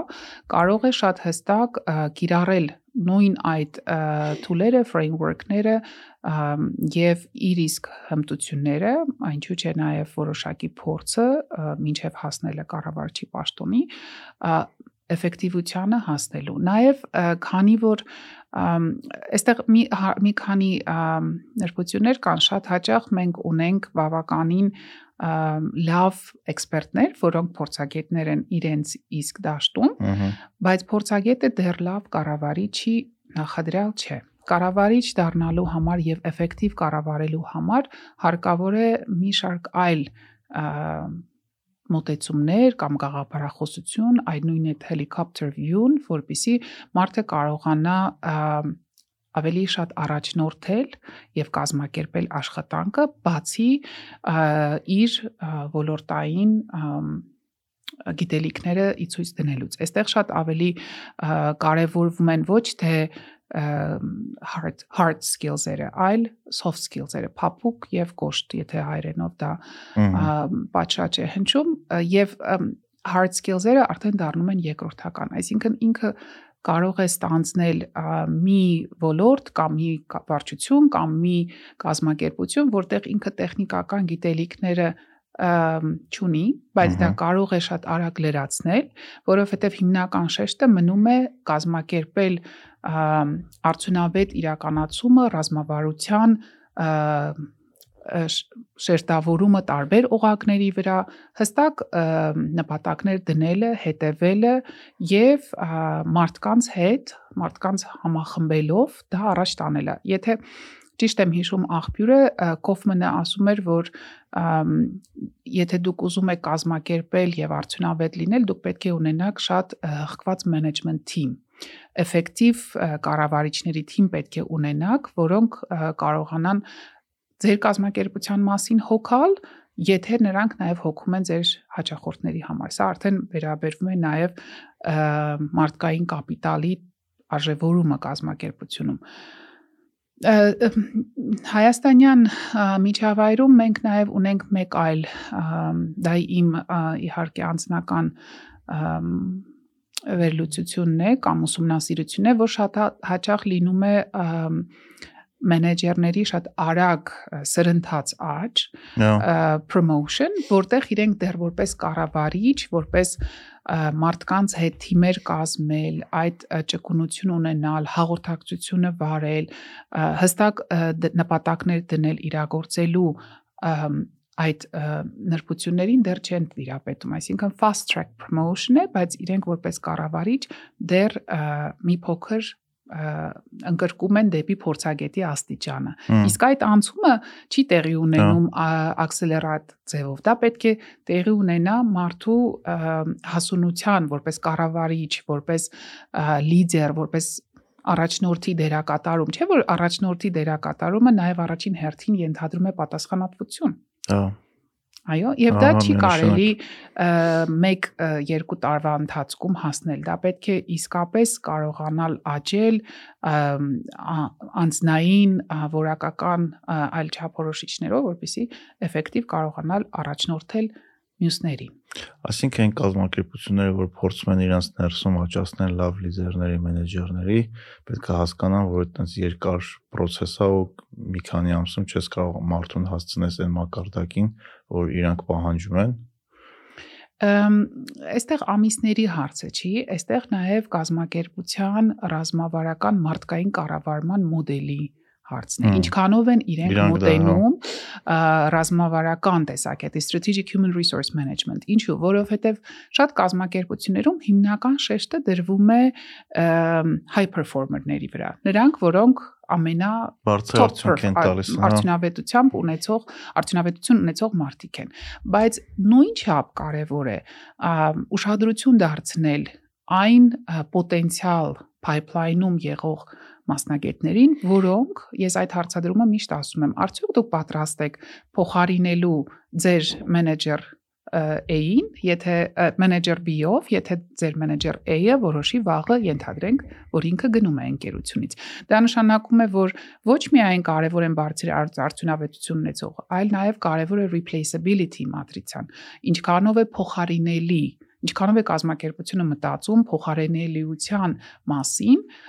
որը այ այդ շեշտադրումը դնում է հաջորդ սերնդի առաջնորդներ ձևավորելուն։ Հա, հա։ Դա կարևոր է։ Եվ նաև կարևոր է դրա հետ մեկտեղ չմոռանանք ֆինանսների մասին, քանի որ ինչքան ինչքանով է ինչքանով է առատ կամ ինչքանով է կազմակերպությունը պատրաստ ներդնելու աշխատակիցների զարգացման մեջ։ Այ եթե նայեք strategic human resource development տեսակետից բյուջեին, ապա པարզ կլինի, թե ինչքանով է կարևորվում նաև աշխատակիցների ներդրումային ուղղվածությունը հաշվի առնելով նաև որպես առաջնորդներ ձևավորելու։ Հա, հա Harvard Business Review-ում ես մի հատ article էի կարդում, դրա մեջ կոնկրետ գրված էր, որ թվերով ապաց ֆակտորով գրված էր, որ այն կազմակերպությունները, որտեղ տնօրենները ունեն պրոտեժե, այն մարդը, որ իրանց գալու է փոխարինելու։ Ահա։ Այդ ընկերությունները շատ ավելի լավ արդյունքներ են ցույց տալիս։ Ինչ ինչներ իմաստը, որ եթե դու տնորեն ես ու արդեն մտածում ես քեզ փոխարինող մարդու մասին, նշանակում է այդ մոդելը ընդհանուր կազմակերպության մեջ է։ Նշանակում է բոլոր մենեջերները աճացնում են ապագա մենեջերների։ Ու այդ ոնց որ միջավայրում աշխատանքը ավելի լավ է ստացվում, ավելի լավ են այդ կազմակերպությունները, ավելի բարձր արդյունքներ են ցույց տալ այդ կազմակերպությունները։ Այո, եւ հետո մի բան էլ չմոռանանք, որ թեկուզ յուրաքանչյուր կառավարիչ ինքը նույնպես պետք է կարողանա Սա խոսքը չի վերաբերվում միայն մարդկային ռեսուրսների կառավարման HR-ներին, սա վերաբերում է յուրաքանչյուր կառավարչի, որովհետև յուրաքանչյուր կառավարիչ նույնպես պետք է ունենա գրավելու, աշխատակցի գրավելու, գնահատման, ինչու՞ չէ ուղղորդված ուսուցանման, եթե դա տանելու է զարգացման, որը ի դեպ չպետք է լինի միայն կազմակերպությանը ուղղված, դա պետք է լինի նաև աշխատակցի մասնագիտական հետաքրքրությունների նույնպես ուղղված։ Եվ նաև խրախուսելու երբեմն արդեն աշխատակցի հրաժեշտ ընկերությանը։ Ինչու, որովհետև մենք եթե նայենք ակտիվ talent management-ի pipeline-ի, նաև պետք է ունենանք ինչպես նաև ներգրավվածությունը, այնպես նույնպես նրանց կազմակերպությունից դուրս արդեն իրենց շարունակում աշխատանքային շարունակում, այսինքն attraction, recruitment եւ ինչու՞ չէ նաև workforce reduction, դա էլ է շատ կարևոր։ Քանի որ հիմնական շեշտը մենք դնում ենք միայն recruitment-ի վրա, այսինքն բերելու մարդկային տաղանդը, բայց պետք է մոռանանք, որ կա ինչ որ մի բան, որ նաև աշխատակիցը պետք է կարողանա շարունակի մյուս գործատուի մոտ գնալը կամ հա։ ինչու՞ չէ իր բիզնեսը ստեղծելը, venture-ը հիմնա հիմնադրելը, դա նույնպես պետք է լինի կառավարչի շրջանակներում եւ այդ միջավայրում դիտարկելու փոխարինելիությունը այ եթե վաղը իմ թիմից մեկը գնաց արդյոք ես ունեմ այնքան պատրաստված կամ մտածում եմ այդ ուղղությամբ որ ունենամ կադր որը կկարողանա իմ այդ կառավարչին փոխարինել Սա շատ հաճախ անտեսվում է ցավոք սրտի եւ շեշտը դրվում է ավելի շատ ամենաբարձր արդյունավետություն ունեցողներին կամ խնդրահարույց աշխատակիցների վրա, որը մեկ այլ հարց է։ Հա, հա, միանշանակ։ Իսկ խոսեցիք մարդկանց հրաժեշտ տալու մասին, որպես գործատու։ Ոնց հետա պետք է օրինակ ճիշտ կազմակերպել ու ինչի է կարևոր նաև այդ հարցին անդրադառնալը ու դրան ուշադրություն դարձնել ոնց ես դու քո աշխատակիցից աշխատակցից աշխատակցին տեսություն ասում կամ իր ցանկությամբ կամ կազմակերպության պահանջներից ելնելով օրինակ հիմա տեսնում ենք որ շատ ոլորտներ համաշխարհայինս ճգնաժամի պատճառով մեծ կրճատումներ ունեն համաշխարհում համ Հայաստանում արդեն հատկապես արտահանողների մեկի այդ IT ոլորտի մոտ լուրջ խնդիրներ ա ստեղծվեց դրամական դոլարի այդ փոխարժեքի պատճառով ու այդ հարցի առաջ շատերն են կանգնած, բայց քանի որ մարդիկ տարիներ շարունակ այդ մարդկանց հետ աշխատել են ու գնահատում են իրենց աշխատանքը, բայց պետք է հրաժեշտ տան, որովհետև դրանից է կախված նաև կազմակերպության ապագան ու մնացած, չգիտեմ, 70% աշխատակիցների ապագան, ոնց դա ճիշտ տանել։ Մենք արդեն նման նախադեպ ունեցել ենք, կարծում եմ, որ տնտեսական ճգնաժամը 2008-ի 9-ի մեկ ան, մեկ անգամ դա արդեն կարծեք ցույց է տվել, նաև կ ូវ իդի շրջանում հետաքրքրական է, որ ամեն դեպ ամեն նման ճգնաժամը իր յուրահատկությունները ունի, որովհետև իդի դեպքում շատ ավելի լայնամասշտաբ էր դա եւ շատ ավելի անսպասելի գուցե կարելի ասել կամ լուծումները չունեին, քանի որ դա նաև պանդեմիա էր առողջապահության տեսակետից, բայց կան մի շարք մոդելներ, որոնք կարելի է դիտարկել։ Իհարկե layoff layoff-ը աշխատակցին հրաժեշտ տալը, եթե դա պայմանավորված է ֆինանսական դժվարություններով, իրենից ենթադրում է որոշակի օթափարիկ, այսինքն parachute բայց նաև կան մի փոքր այլ մոդելներ, որոնք կարող են գոնե որոշակի չափով թույլ տալ պահպանել դա մի քանի օրինակը, որ ես տեսել եմ, եղել է, որ աշխատակիցները համաձայնել են, որ որևիցե մեկը չի գնալու ընկերությունից, բայց բոլորը պատրաստ են նվազագույնով վարձատրվել։ Նվազագույն ասելով, եթե 100% էին վարձատրվում, ապա 75-ով։ Կամ նրանք, որոնք կարող էին որոշ չափով նաև ունեին մեկ այլ աշխատանքի եկամտի աղբյուր, ապա զուգորդել։ Կամ սա ավելի շատ կարելի ասել անհատական վերաբերմունք էր, քանի որ կան ֆինանսական պարտավորություններ, հատկապես ԱՄՆ-ի դեպքում, գուցե mortgage loan, գուցե educational loan, տարբեր տեսակի ֆինանսական liability-ներ, որը այդքան ազատություն չէին տալիս։ Հա, դեստեղ է շատ-շատ մարդիկ հիպոթեք ունեն։ Հա, mortgage loan։ Այո, դա այդ մեկ մոդելներ։ Մյուսը կարող էր լինել, որ executive team-ը որոշեր, որ across the board ոչ մեկին բոնուսներ չեն տրվելու կամ կարող էր լինել ժամանակավոր սառեցում մինչև աշխատա կազմակերպությունը կկարողանար վերագտնել։ Ցավոք սրտի եւս այստեղ հատուկ բաղադրատոմս չկա, քանի որ ամեն դեպքում մենք տեսնում ենք ճգնաժամային իրավիճակները մեկը մյուսից տարբերվում են իդեպ այդ մասին մենք հետաքրքիր հետազոտություն էինք արել, որտեղ ցույց էր տալիս գենդերային տեսակետից կանանց վրա ինչքան շատ էր այդ ծարաբեռնվածությունը, քանի որ առաջին օղակում նրանք էին գտնվում հատկապես կ ូវ իդի ժամանակ, երբ որ կանանց մի մասը պետք է կանանց մեծամասնությունը նաև ուներ կրկնակի դերակատարում եւ տնային հարցերում, երբ որ homeschooling-ի հարցը կար եւ նաեւ աշխատաշուկայում շատ ավելի vulnerable էին, քան թե ի տարբերություն տղամարդկանց եւ իրենց վրա կարելի ասել այդ գացնի մեծ հարվածը ավելի ծանր էր ընկնում, քան մնացածի։ Քանի որ մենք դիտարկում ենք տարբեր ճգնաժամեր իրենց յուրահատկություններով, դրա համար բաղադրատոմսը դժվար կլինի ձևավորելը յուրաքանչյուրի դեպքում ոնց։ Սակայն կարծում եմ հնարավոր է գտնել փոխադարձ լուծումներ, հատկապես որ հասկանալի է եւ աշխատատուի, գործատուի եւ աշխատակցի տեսակետից, որ գուցե դա ժամանակավոր բնույթ է, բայց սա ենթադրում է իրենից բավականին սերտ փոխ համաձայնություն եւ փոխադարձ փոխադարձ համագործակցություն այնքանով, որպիսի կարելի լինի գտնել որոշակի լուծում։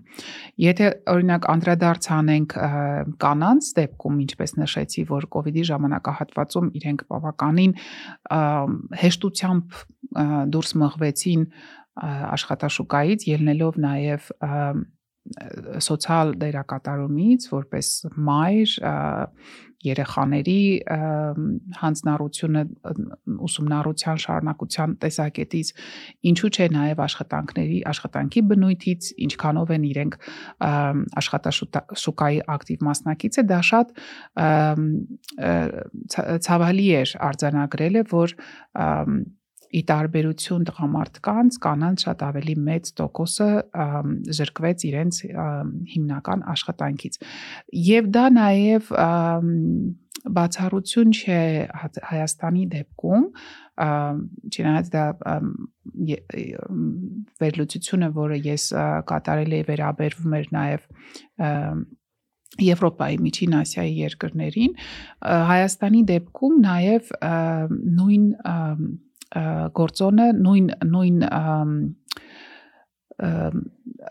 ուսումնառությունը կարելի է տեսնել կանանց ձեռներեցության բնակավարում։ Ինչու են կանայք այո կանայք մեր մոտ դեռ ուրիշ վերամերմունք են չէ՞ ստանում միջավայրից ձեռներս լնելով։ Միջավայրի ես մի փոքր ավելի կմանրամասնեմ, քանի որ մի կողմից դա վերաբերում էր ճգնաժամային իրավիճակներում կանանց վրա ինչքանով էր անդրադարձել աշխատաշուկայում մրցունակ մնալու հավանականությունը եւ մյուս կողմից էլ կանանց ընդհանրապես ձեռներեցության մղումը ես համոզված եմ առնչվել եք Global Entrepreneurship Monitoring զեկույցի հետ, ամենամյա զեկույց է, դա գլոբալ ձեռներեցության մոնիտորն է, որտեղ Հայաստանը նույնպես ներգրաված էր ա, 2019-ի տվյալներով եւ եթե մենք նայում ենք ձեռներեցության վարկագիծը, հիմնականում ընդհանուր սա գենդերային առանձնահատկությունը դեռ մի կողմ թողնենք, վերաբերվում էր ձեռներեցությամբ զբաղվելով, զբաղվելու ելնելով այլընտրանքի բացակայությունից։ Սա ձեռներեցության գրականությունում անվանվում է existential entrepreneurship։ Դա նշանակում է գոյապահպան կամ գոյատևելու մղումից ելնելով զբաղվել ձեռներեցությամբ ոչ թե ինովատիվ տեսակետից այլ այո քանի որ այլընտրանքային հնարավորություններ չկան Այսինքն, քանի որ այլ ընտրանք չունես, դու սկսում ես զբաղվել բիզնեսով։ Այո, դա մղում է, դրա համար ինքը կոչվում է existential entrepreneurship։ Դա մղում է մարդկանց գնալու, պրպտելու, փնտրելու, գտնելու մի միջոց, որը իրենց դիտարկվում է որպես ձեռներեցություն, քանի որ դա ինովատիվ է, քանի որ բավականին փոխում է ա, նույնիսկ բիզնես մոդելի ամ, ը, ինչ ինչպիսին որ բիզնես մոդելն է, այսինքն դա տանում է լրիվ նոր ա, մոտեցման, բայց դրա ակունքները սահմանվում են նրանում, որ այլընտրանքի բացակայություն է։ Իսկ այս դեպքում ա, կանայք ամ, ն- նույնիսկ ձեռներեցության մեջ ա, շատ ավելի пассив են։ Ինչու, որովհետև ա, й- դա նույնպես վերադառնում է հասարակության մեջ իրենց սոցիալ դերակատարումով պայմանավորված օրինակ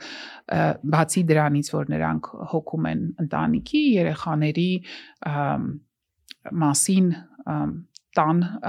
հարցերում հա։ հոգսերում նաև ունեն շատ ավելի քիչ access ֆինանսների մասով, շատ ավելի քիչ հասանելիություն հա։ ունեն, այո, եւ ա, դրսևորում են ավելի risk averse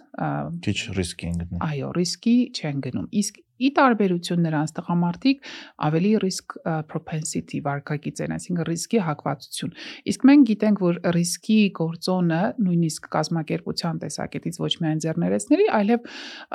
արդեն եղած կազմակերպության տեսակետից տալիս է ինովացիոն մոտեցում, այսինքն այն կազմակերպությունները, որոնք հնարավորություն են տալիս ավելի մեծ ռիսկայնությամբ ռիսկայնություն ցուցաբերելու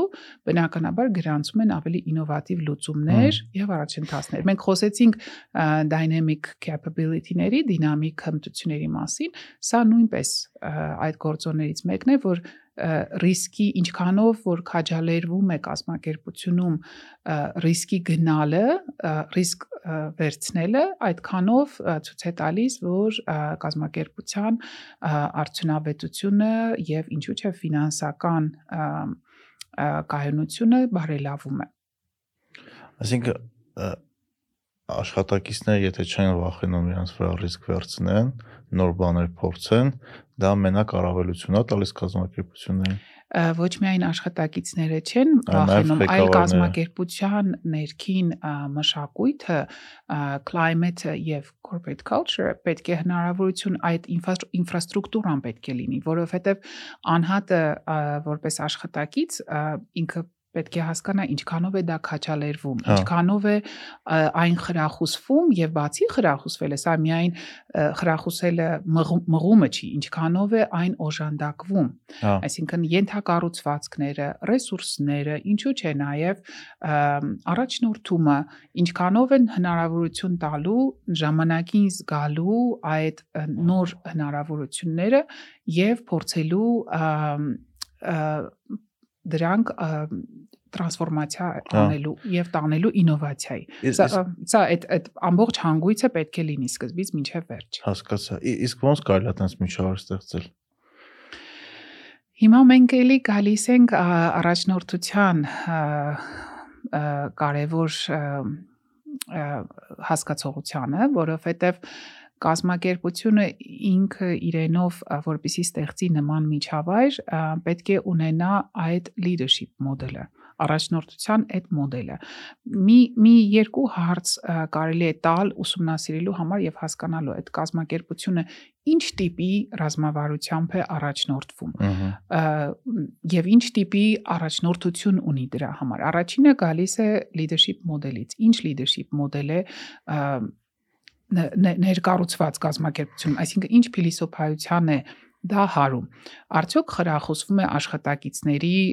փորձել եւ սխալվելը։ Ինչքանով է դա ըմ, որոշակի չափով ֆորմալիզացված Հա։ ինչքանով է բխեցված թիմային աշխատանքները, ինչքանով է բազմազանությունը խրախուսվում diversity, որովհետև շատ կազմակերպություններ diversity-ին դիտարկում են որպես մարտահրավեր։ Իրականում diversity-ին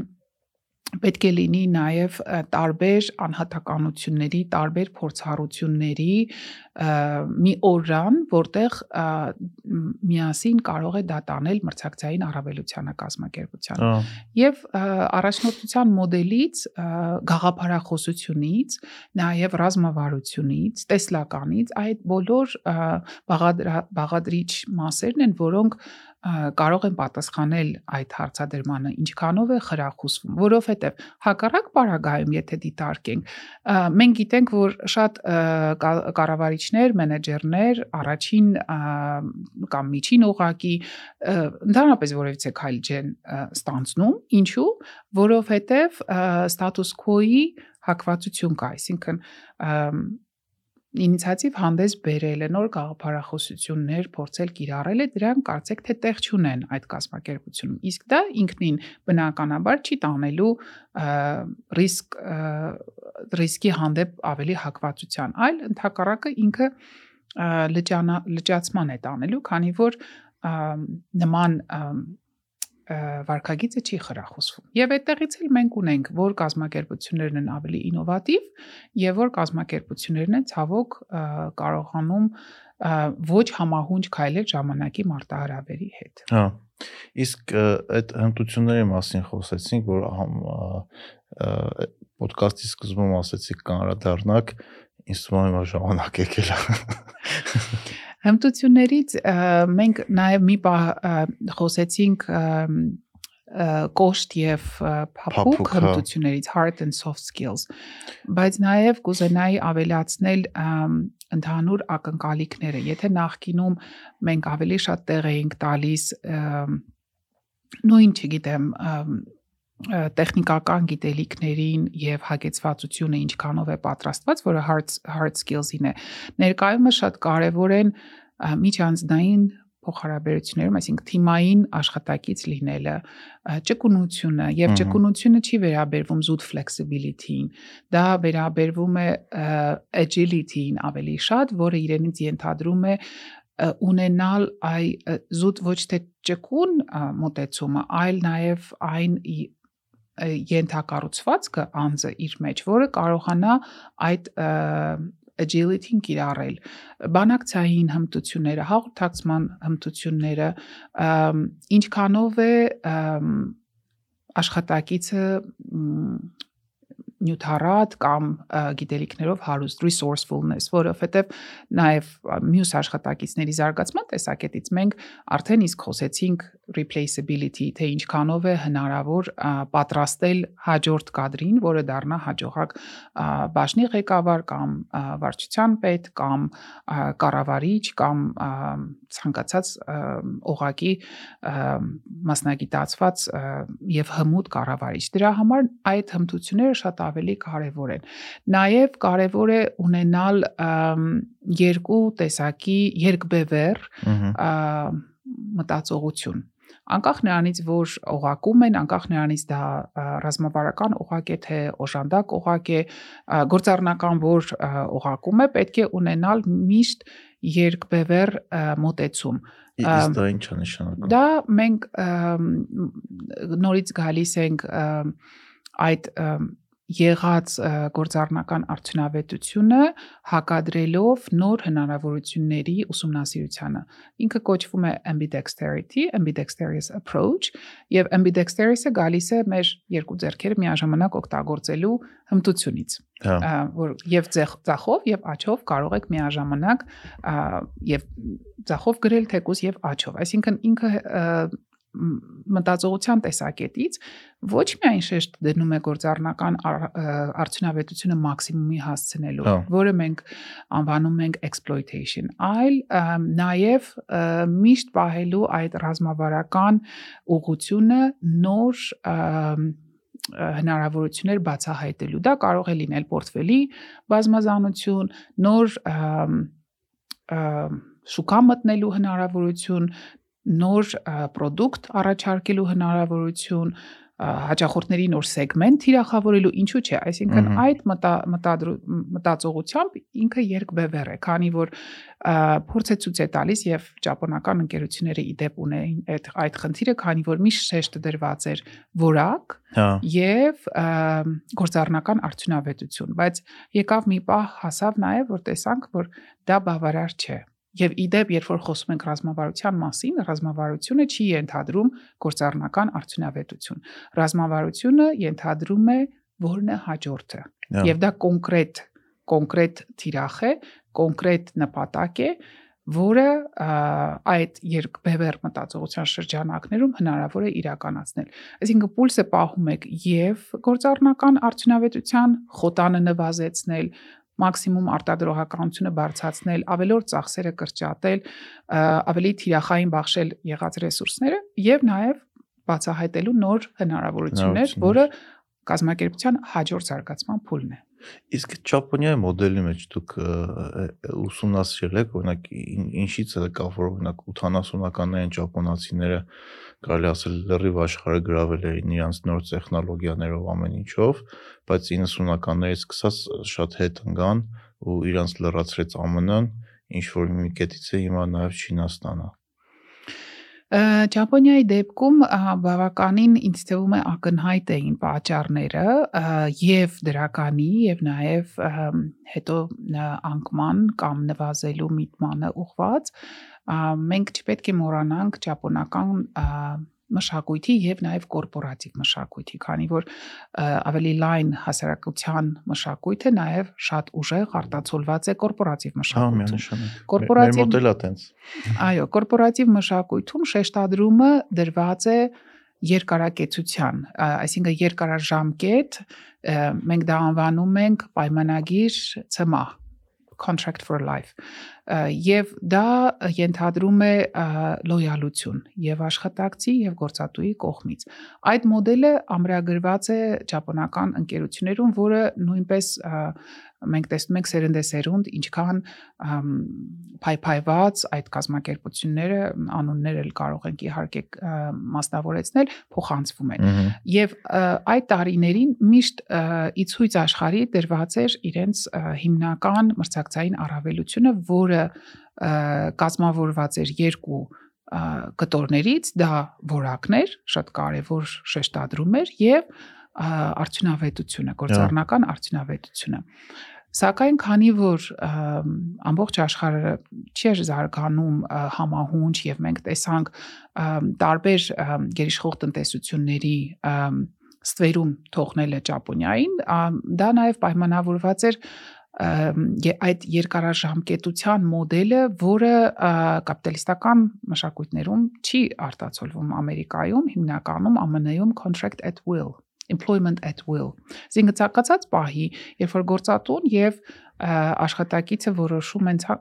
ինչ ինչ-ինչ պատճառներով, դա հնարավորություն է տալիս խզելու աշխատանքային պայմանագիրը։ Պայմանագիր, հա։ Եվ դա նույնպես գալիս է կապիտալիստական միջավայրից, քանի որ չկա այդ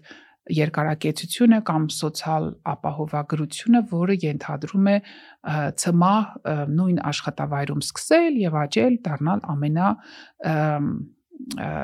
ամենա կարևոր օղակը կամ CEO-ն տնորենը կազմակերպության։ Այդ պահից սկսած կար նաև, բայց Ցավոք սրտի դա հակասում է ճապոնական մոդելին, քանի որ այնտեղ աշխատակիցը այդ հրաժեշտ տալը չկա աշխատակցին։ Եվ դա սկսում էր արդեն անդրադառնալ ճապոնական մարդկանց գործից չեն հանում։ կարելի է հասնել դրան որ հանեն, բայց ինձ թվում է դա պետքա լինի իսկապես արդեն performance կամ Շատ ված ար- Այո, ինչ որ նախադեպ պետք է լինի, բայց հիմնական գաղափարախոսությունը, փիլիսոփայությունը կառուցված է այդ արժեքների վրա։ Այդ իսկ պատճառով արդեն ճապոնական մոդելը, որը տարիներ ի վեր փայլում էր այդ որակ եւ գործառնական արդյունավետության համակցությամբ, սկսեց արդեն իր դիրքերը զիջել, քանի որ մյուս ընկերություններում կամ աշխարհի մյուս պետություններում շեշտադրումը դնում դրվում էր ավելի արագ ինչն է հաջորդը, ինչպես ավելի շատ շուկաներ գրավել եւ այլն, եւ այդտեղ այդ ը, երկարակեցության գաղափարախոսությունը այլևս տեղ չուներ։ Հա, հասկացա։ Իսկ եթե վերադառնանք մեր հայկական իրականություն, մեր բիզնես միջավայրում ինչն է ձեր կարծիքով ինչ առավելություններ ունենք ու որ բացական կողմերն է ամենաշատ մեզ հետ պահում զարգանալուց առաջ գնալուց։ Առավելությունների տեսակետից մենք միանշանակ կարող ենք մեծ տեղ հատկացնել աշխատակիցների որակական պատրաստվածությանը եւ ինչու՞ չէ նաեւ ալտրուիզմին, այսինքն բավականին շատ աշխատակիցներ կարող ենք ուսումնասիրել եւ կարող ենք հաշվի առնել, որ նվիրումը փորձել անել ուժերի մաքսիմումը, մոտիվացիան դրանք բավականին դրական ազդակներ են միջավայրը ընդհանուր առաջ մղելու բիզնեսի երկարակեցության տեսակետից արդյունքներ գրանցելու տեսակետից ինչը վերաբերվում է կողմեր, որոնք կարող են զարգանալ, մենք մի փոքր դեռ ինձ թվում է այնքան էլ լուրջ չենք վերաբերվում ստեղծելու corporate governance ասվածին։ Եվ հիմնականում մենք դա զրույցի ընթացքում նշեցինք, որ գաղափարախոսությունը հիմնականում սկսվել է անհատ ձեռներեց բիզնեսմեն, որը ստեղծել է իր բիզնեսը, հետո ընդարձակել է, դարձել է արդեն holding, Իսկ Բայց- մեր լսողները ովքեր չգիտեն corporate governance ինչ որ խնդրեմ կբացատրեք։ կորպորատիվ կառավարումը դա այն շերտն է, որը տվյալ բիզնեսի սեփականատիրոջը եւ սեփականատերերին կամ եթե նրանք մի քանիսն է ձերբազատում է ամիջականորեն ազդեցություն ունենալու կառավարչի վրա, այսինքն դա բուֆերային զոնա է, որը հստակ զատում է սեփականատերերի կամ սեփականատիրոջ մասնակցությունը դեպի կազմակերպության ամենօրյա գործառնական գործառույթներին, այսպես ասած։ Ահա։ դա նաև հնարավորություն է տալիս որպես balancing act, հա, հա։ բալանսավորելու, որpիսի եթե կա նշանակված տնորեն, նա զբաղվի իր գործառույթները իրականացնելով։ Իսկ owner-ները նրանք կարող են մտածել ավելի շատ ինվեստիցիոն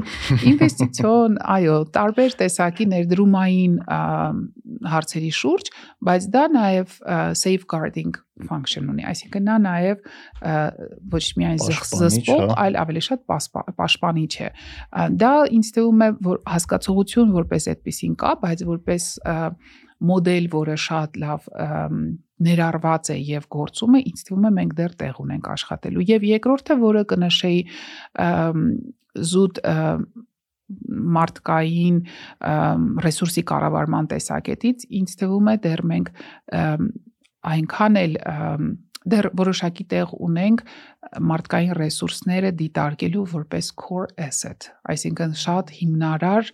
կազմակերպության մրցակցային առավելությունը ապահովող։ Եվ այդ հարցը կարելի է ողրել ինչքանով է մարդկային ռեսուրսների կառավարիչը ներկա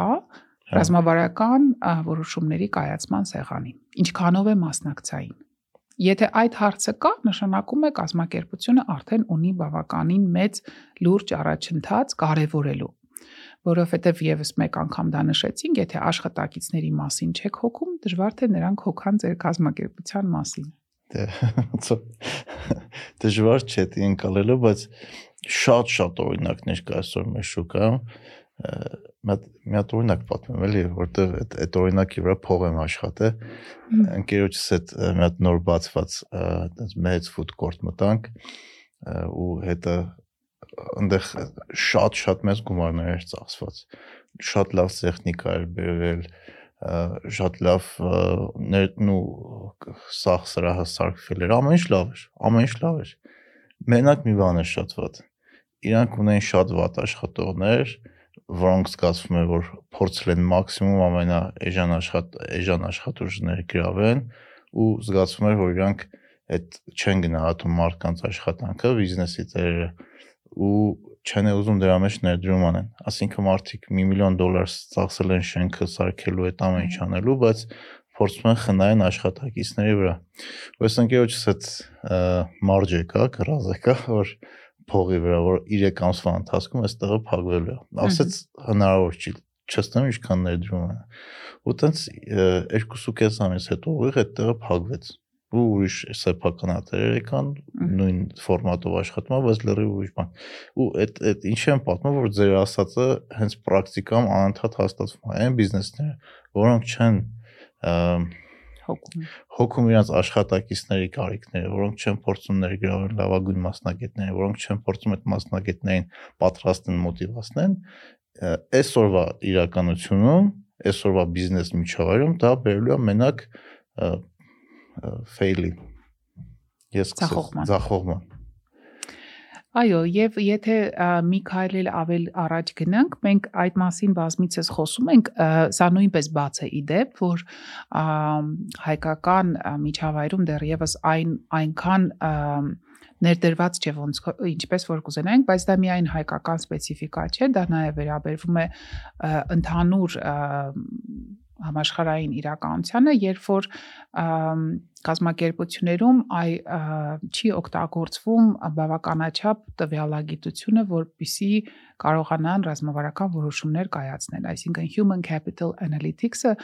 դեռ այն մակարդակի վրա չէ, որը պետք է տա մեզ հասկանալու մենք ինչն ենք սխալանում։ Օրինակ, աշխատակից ընտրելու մեթոդիկան չի աշխատում կամ մենք խնայում ենք նրան վարձատրելու վրա կամ գնահատելը իրականացնում ենք, բայց դրանից հետո դա որևիցե ներդրում չի ունենում մեր ռազմավարության վրա։ Այսինքն storytelling-ի մասը դեռ բացակայում է եւ մենք շատ մի, մի հետաքրքիր հոդված կա ես անպայման կուզենայի դա ընթերնեի դա հետաքրքիր է բացատրելու թե որտեղից կարելի է սկսել իրականում որպես լուծումների շարք որտեղ հեղինակը Դանեմին Բայևան է եւ Կոպենհագեն բիզնես սկուլից է ինքը արմատներով Կազախստանից է, հետո արդեն իսկ երկար ժամանակ է դասավանդում է Կոպենհագենի բիզնես դպրոցում եւ Դանան իր հոդվածում հետեւյալն է, թեզն է առաջ տանում, որ human capital analytics-ը դեռ այն մակարդակում չի մարդկային կապիտալի վերլուծությունը, որը պետք է լինի։ Եվ նա հարցադրումը բարձրացնում է հետեւյալ կերպ. ինչու է դա? Ինչու? Ինչու? Որովհետև մենք շատ ընկերություններում ունենք տվյալներ որոնցով արագ կարող ենք դեշբորդեր ստեղծել եւ դեշբորդի միջոցով գործառնական տվյալները ձեռք բերել, բայց հարցը մնում է այստեղ ոչ թե գործառնական ուղակի ընթացիկ տվյալներ, այլ այդ տվյալները դարձնել այն ինֆորմացիան, որը մեզ տալիս է սիստեմատիկ վերլուծություն հասկանալու ինչը չի աշխատում կամ ինչու այն այդ այդ ձեր ասած օրինակի դեպքում մատրիցաների եւ տարբեր չափորոշիչների միջոցով կարելի է հասկանալ ինչն է պատճառը արդյոք աշխատակցի գրավչության գրավել գրավելու հարցում խնդիրներ կան կամ աշխատակցի հոսունություն է, որտեվ դա էլ է մտահոգիչ հարց, չէ։ Եթե անդադ մենք այս վերջերս մի քննարկում ունեինք, որտեղ խոսում էինք, որ կազմակերպությունը անդադ hiring boom-ի մեջ է, այսինքն անդադ նոր աշխատակիցներ է, բայց դա դեռ չի նշանակում, որ ամեն ինչ իդեալական է։ Պետք է նայել տվյալ ոլորտի, տվյալ սեգմենտի համար հոսունությունը ինչքան է։ Առողջ հոսունություն է դա, թե թե ոչ, որովհետև հոսունությունը նույնպես տարբեր է տարբեր ոլորտային կազմակերպությունների համար։ Եթե դա մասնագիտական professional services consulting ընկերություն է, դա մեկ ուրիշ է։ Եթե դա հյուրանոցային կամ ծառայության այլ ոլորտի, լայն ոլորտի ընկերություն է, ապա այդ կարող է լինել նորմալ ընդունելի։ Այստեղ Հա։ շատ կարևոր է հասկանալ այդ տվյալների վերլուծությունը եւ դա ինչքանով է հանդիսանում ռազմավարության համար input ինչքանով է դա մեկ այլ ձևով ասած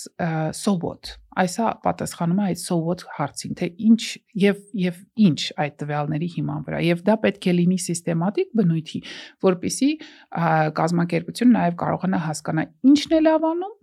ինչը լավ չի անում եւ ինչու լավ չի անում Հա, հա, հասկացա։ Հասանք մեր տրադիցիոն հարցին։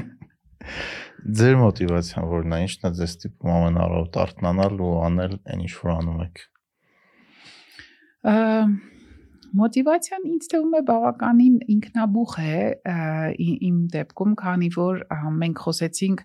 ուսանողների հետ շփումը, միմյանցից սովորելը, ա, ունենալ այդ մշտապես ինքնակատարելագործման մղումը, ինչու՞ չէ նաև կատարել հետազոտություն, որը շատ պրակտիկ է, գրեթե ցանկացած հետազոտություն, որի մասին կամ ես անդրադարձ արեցի կամ առիթ եղավ մեր զրույցի ընթացքում, ունի իր պրակտիկ լուծումները, ինչպես կարելի է անել, իսկ ինչպես դա կարելի է դրանից բխեցնելով ինչ քայլեր կարելի է ձեռնարկել։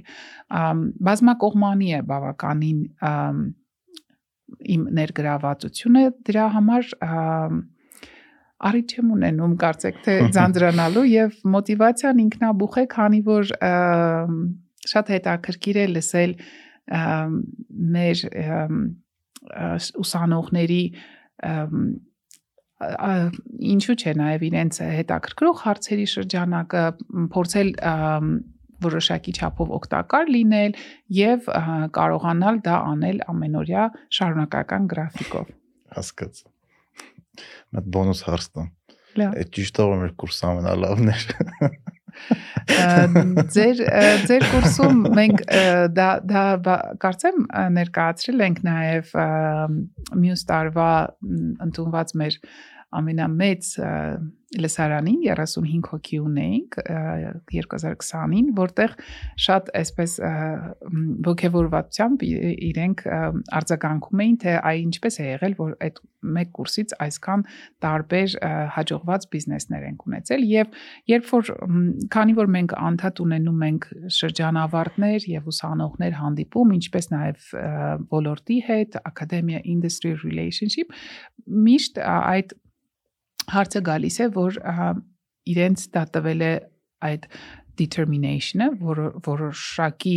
այն պահն է եղել հասունության, որից հետո իրենք որոշել են, որ այ իրենց բիզնեսը պետք է սկսեն։ Այդ առումով բավական, բայց ներկայումս էլ եթե հիմա նայեք այս տարվա կամ նախորդ տարվա կամ ակնկալվող մենք բավականին շատ տարբեր background-ներից են գալիս եւ դա էլ է կարծում եմ դա ինքը ունի նույնպես ներդրում որ բոլորովին տարբեր